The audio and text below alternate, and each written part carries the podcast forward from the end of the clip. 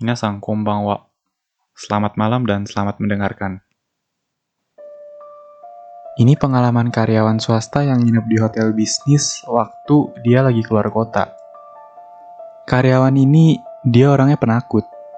Waktu dia bilang mau nginep di hotel ini, temennya langsung bilang kayak, Oh, itu hotel angker tuh. Sering muncul macem-macem tuh. Dan kalimat itu bagi dia, itu informasi yang sama sekali nggak pengen dia dengar. Sampai di hotel, check-in, baru sampai di kamar, dia udah ngerasa gelisah duluan. Waduh, katanya di sini muncul ya. Dia terus ngebayangin hal-hal yang enggak-enggak. Tapi tapi dia nginep di hotel tuh cuma semalam. Jadi jadi oke lah, tahan aja buat hari itu. Dia pikir kayak gitu. Kerjaan dia keluar kota itu waktu itu kunjungan pabrik. Kunjungan pabriknya itu pun siang dan dia balik ke hotel itu semalam sekitar jam 8-an. Sampai kamar dia bersih-bersih. Dia masuk ke kamar mandi dan selama mandi itu dia selalu cek belakangnya dia. Terutama waktu lagi keramas pakai shower, dia tuh selalu usahain buat tetap buka mata. Biar kalau ada apa-apa, dia bisa sigap. Dan sepenakut itu dia waktu itu. Badan udah bersih, wangi juga, dia udah pakai baju tidur dan dia siap-siap buat tidur di atas kasur itu. Tapi malam itu dia nggak bisa tidur. Dia gelisah mikirin kalau hotel tuh katanya muncul. Jadi sepanjang malam itu dia kayak orang resah aja di atas tempat tidur itu. Lagi resah mikirin yang enggak-enggak, tiba-tiba dia dengar suara dok, dok, dok, dok. Panik bukan main dia dia langsung mau nangis terus dia masuk ke selimut terus dia ngegulung diri di dalam selimut itu dia dia berlindung lah pokoknya di dalam selimutnya itu suaranya itu terus kedengeran dia ketakutan sejadi-jadinya. Waktu itu dia juga penasaran sebenarnya mau lihat itu siapa yang gedor-gedor. Tapi dia tetap nggak berani lihat. Rasa takutnya dia itu menang dari rasa penasarannya dia itu. Jadi dia di dalam selimut dia tutup mata, tutup telinga, dan padahal mah itu bisa aja ketokan dari luar gitu. Ada staff hotel yang punya keperluan sama dia, pengen masuk, pengen ngasih tahu sesuatu, tapi dia lagi ketakutan gitu, otaknya nggak jalan kayak biasanya. Jadi nggak logis lah, intinya dia ketakutan.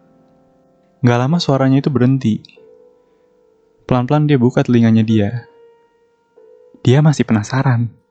Tapi ujung-ujungnya dia nggak bisa lepas dari selimut itu. Dia dia terlalu nyaman berlindung di balik selimutnya itu. Akhirnya dia di dalam selimut itu sampai pagi.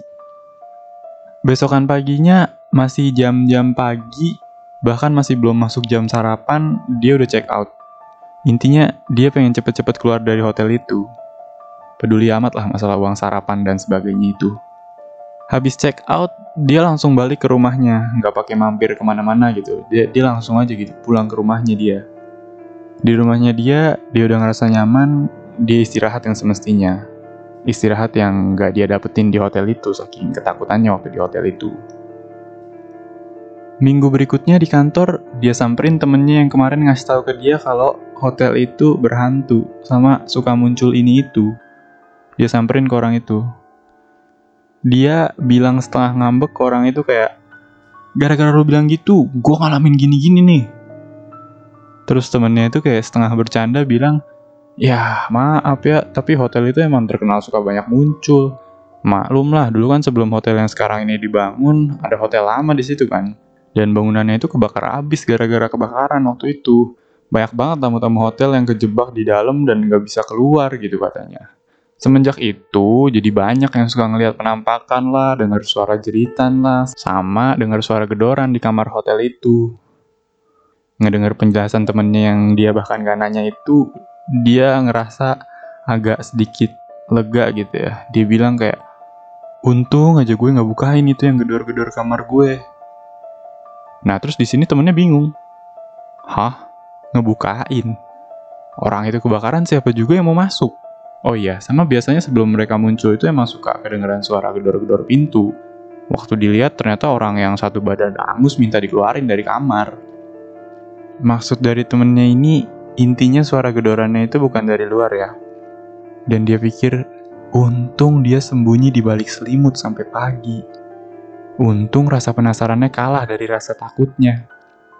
Soalnya kadang jadi orang penakut itu nggak ada salahnya juga ternyata.